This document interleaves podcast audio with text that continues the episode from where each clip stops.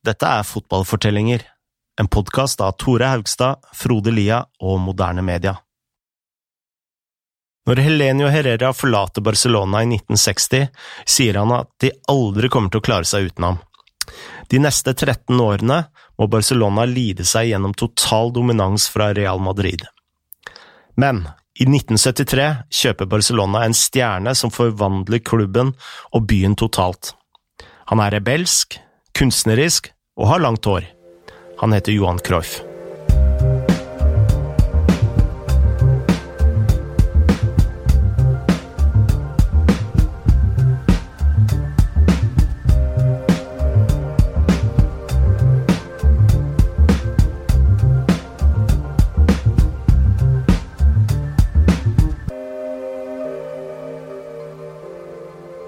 Tore, eh, vi skal snakke om Johan Cruyff.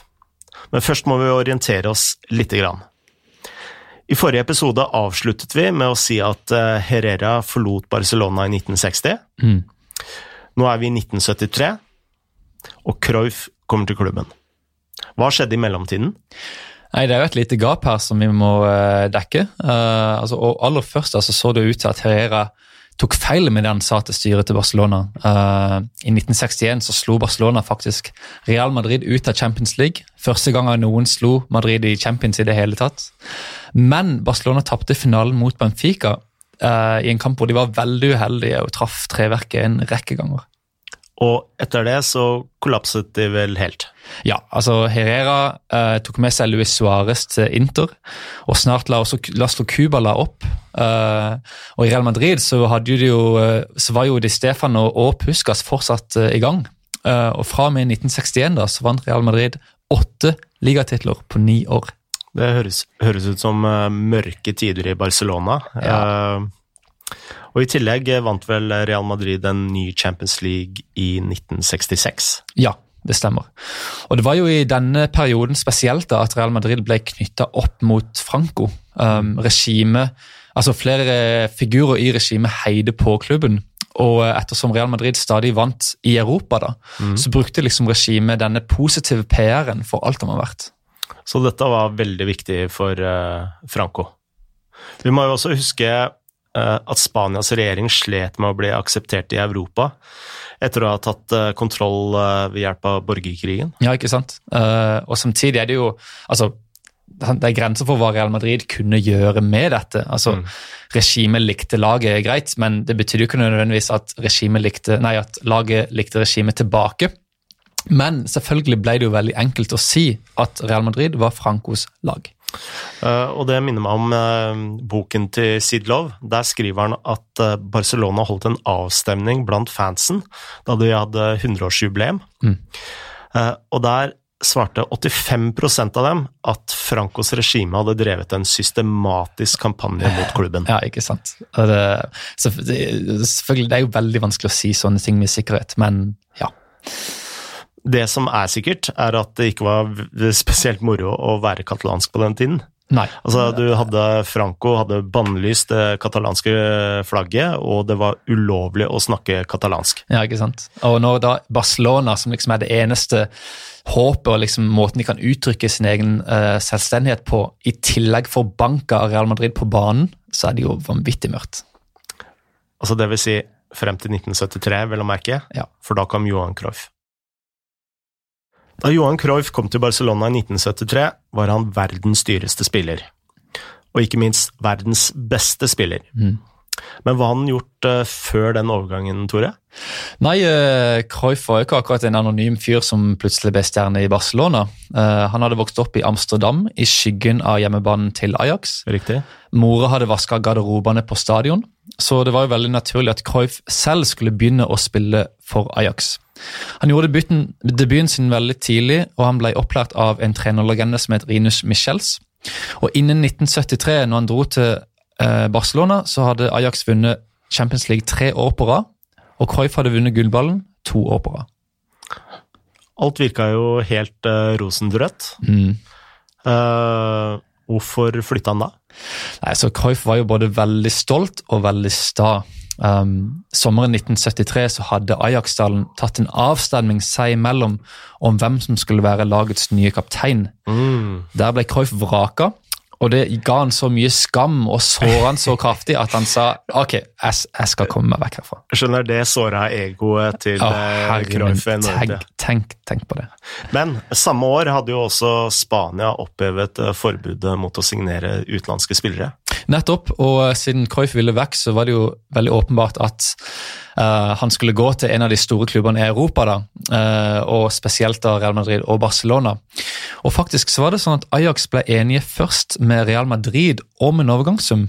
Og det sies da så at Cruyff nekta å dra dit fordi han ikke ville ha noe å gjøre med Franco-regimet. Ja, for det er også historien jeg har hørt uh, mange, mange ganger. Mm. Men er det tilfellet? Altså, Cruyff benekta det sjøl. Jeg husker jeg leste boka hans, i, og da sa han at Er han, det boken My Turn? Riktig. riktig. Eh, han sa at jeg skulle ikke til Real Madrid fordi jeg ville bestemme sjøl hvem jeg skulle selges til. Så det, igjen så er det Cruyff som er vanvittig sta. Ajax har en deal. Og, altså, og det er jo sånn i moderne fotballen at hvis klubben vil selge deg til en klubb, så går du dit, nesten. sant? Men Cruyff sa nei, jeg skal bestemme, bestemme sjøl hvem jeg skal spille for. Og han trua liksom Ajax med søksmål og legge opp og alt mulig. Og til slutt så fikk han viljen sin. Høres ut som tidenes ego her Ja, i ja altså, toppfotballen. han var så sta. han var så sta. Og I tillegg da, så hjalp det jo også at Barcelona allerede hadde ansatt trenere som spilte den type fotballen Cruyff likte. Ja, for selve totalfotballen som Ajax var kjent på, ble jo startet av en engelskmann som het Wick Buckingham. Han trente Ajax på 60-tallet. Eh, han hadde deretter trent Barcelona fra 1969 til 1971. Og så hadde Barcelona erstattet ham igjen med Rinus Michels. Jeg kaller han Michels, Ja. eller Michels. Sikkert helt riktig. Eh, og, og dette var da mannen som videreutvikla totalfotballen i Ajax. Som på mange måter ble den type fotballen som vi kjenner totalfotballen som i dag. Nettopp. Vi spurte Jonathan Wilson om totalfotballens begynnelse i Barcelona. Well, I, I, I suspect Buckingham's implementation of his theories hadn't gone that far. Um, I think there was almost certainly resistance from, from, from people who didn't really know what he was doing. He, he didn't really uh, understand the success he had at Ajax. He probably looked at Ajax and thought, well, that's not really a team of the same stature as, uh, as Barcelona. Michels, I think, was a much um, a much more charismatic man, a much bigger personality, and, and, and Buckingham, I think, yeah, performed the necessary role and beginning to break a path for him. But but Michels yeah, took it far further, and then of course he brings in Cruyff, which which is a huge a huge moment both for Ajax and for and for Barcelona. Da Johan Cruyff lander på flyplassen i Barcelona, er det ville scener. En stor folkemengde ønsker ham velkommen. Antallet klubbmedlemmer har allerede økt med flere tusen. Ja, Cruyff debuterte eh, i en vennskapskamp mot belgiske Cercle Brygge. Um, og dempa jo ikke akkurat forventningene med den prestasjonen. Han skåret hat trick, og Barcelona vant 6-0. Men det tok litt tid før han kom i gang med offisielle kamper. Uh, og innen han hadde spilt sin første kamp i ligaen, så var sesongen allerede godt i gang. Ja, og da mener jeg å huske at eh, da lå ikke Barcelona veldig godt an. Nei, det var, altså det så ut som en, en, atter en ny sesong i, i krisemodus. sant? Uh, de lå på 14.-plass. Ett poeng over nedrykk. De hadde vunnet to av syv kamper. Og så debu debuterer eh, Cruyff. Ja. Uh, Cruyff skårer to mål i sin første kamp. Barcelona slår Granada 4-0. Da snakker vi om en uh, umiddelbar uh, effekt. Altså, Han var han liksom helt, helt ut av det blå. Da. Altså, det var som å slå på en lysbryter, ser det ut som. Altså, Plutselig var laget helt forandra. Um, og de bare fortsatte å vinne så fort Cruyff var inne i laget. Høydepunktet den sesongen kom i februar, da Barcelona slo Real Madrid 5-0 på Santiago Bernabeu. Tapet var så knusende at Real Madrids kaptein Ignacio Socco bestemte seg for å legge opp. Ja. Eh, New York Times skrev at Cruyff hadde gjort mer for Catalonia på 90 minutter enn enn det politisk krigføring hadde gjort på flere år. Ja, ikke sant? Uh, og Det var jo utvilsomt en politisk dimensjon med denne seieren. Og Det var jo for, eksempel flere fans av Barcelona også som sa at dette ikke bare var en triumf mot Real Madrid, men mot Franco. Og så vant Barcelona ligaen igjen. Ja, Noen måneder senere så vant Barcelona sin første ligatittel på 14 år. Real Madrid kom på åttendeplass. Altså, vi snakker, altså, Cruyff har snudd hele rivaliseringa på hodet. Og Cruyff var jo selvfølgelig nå et enormt idol i Catalonia. Altså, han var denne unge, rebelske fyren som røykte, som hadde langt hår, som liksom gjorde som han ville. Og jeg husker jeg leste noe om at uh, altså Han hadde sagt at han vokste opp i The Beatles-tida. Beatles-generasjonen i Mm. Amsterdam. Og The Beatles gjorde liksom altså De tok sine egne veier, da. Mm. Um, og det hadde han liksom prøvd å følge på banen. Han fikk jo også et eh, kallenavn, El Salvador, som betyr uh, frelseren, hvis min uh, spansk er uh, on point. Det stemmer, og det sier jo litt om hva slags rolle han hadde for katalanerne, kan du si. Og selvfølgelig, han var jo ingen dårlig spiller heller. Absolutt ikke. Altså, han var spinkel, men han hadde jo utsøkt eh, teknikk, og han har vel kanskje tidenes beste fotballhode. Ja, absolutt.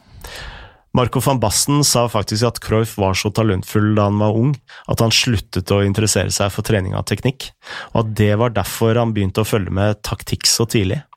Siden Cruyff så situasjonene på banen med så stor klarhet, var det alltid han som bestemte hvordan laget skulle spille. Som en trener på banen, kan du si. Nettopp. Altså, Jeg har jo sett noen klipp av Cruyff på YouTube. altså, altså Ikke bare en veldig teknisk god, men du ser at han liksom kan, han peker der han vil at medspillerne skal løpe. Sant? Han, Mm. han regisserer alt. Og Med Cruyff eh, på banen da, så fikk jo Barcelona endelig denne totalfotballen til å fungere. De angrep veldig mye, spillerne bytta posisjoner, og til å være på den tida så sto forsvarslinja uvanlig høyt. La oss høre hva Jonathan Wilson har å si om eh, Rinus Michels uh, taktikk. Yeah, yeah. If you, want to say what's the difference between Buckingham and, and, and, and Michels, I think, used that aggressive offside trap.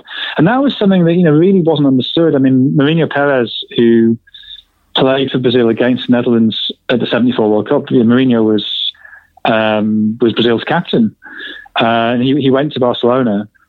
And in, Brazil, they, they called a high line a donkey line because they thought, well, it's, it's absurd to do it. You push up too high, people just chip the ball over the top of you and somebody can run on and score. And suddenly he gets to Barcelona and Mikel's just saying, no, you've got to, you got to press, you've got to push up, you've got to push up. And the first time he did it in training, sort of very, very much against his sort of instincts, he sort of thought, oh, yeah, yeah, that works. Then he finds Michels is still screaming at him, saying, no, you've got to keep pushing. It's not enough just to, to play the offside trap. You've then got to go and hunt the ball as well. So I think that idea was was very alien to, to a lot of people. Uh, the idea you could press all over the pitch. And of course, you know, you are taking a gamble that, that there is space behind your, your back four, your back three, if, if you press high. But it doesn't matter because if you're then putting pressure on the man with the ball, it's very hard for him to pick a pass over the top. And of course, if your goalkeeper is, is prepared to leave his box and sweep up behind the, the, the defensive line, then that pass becomes even harder. Johan Cruyff tar Barcelona til topps i sin første sesong i klubben. Men det blir bare med den ene sesongen, Tore. Ja, litt overraskende. Altså, selv om de fleste husker Cruyff som en stor stjerne i Barcelona, så vant han faktisk kun én ligatittel der som spiller. I hans andre sesong kom Barcelona 13 poeng bak Real Madrid. De vant riktignok cupen i 1978, men etter det så la Cruyff opp, i en alder av kun 31 år. Hmm. Men hvordan klarte Barcelona seg eh, uten frelseren de neste årene? Nei, Det skal vi snakke litt mer om i eh, neste episode, men eh, for å si det sånn, det skulle gå en god stund til før Barcelona vant en ligatittel igjen.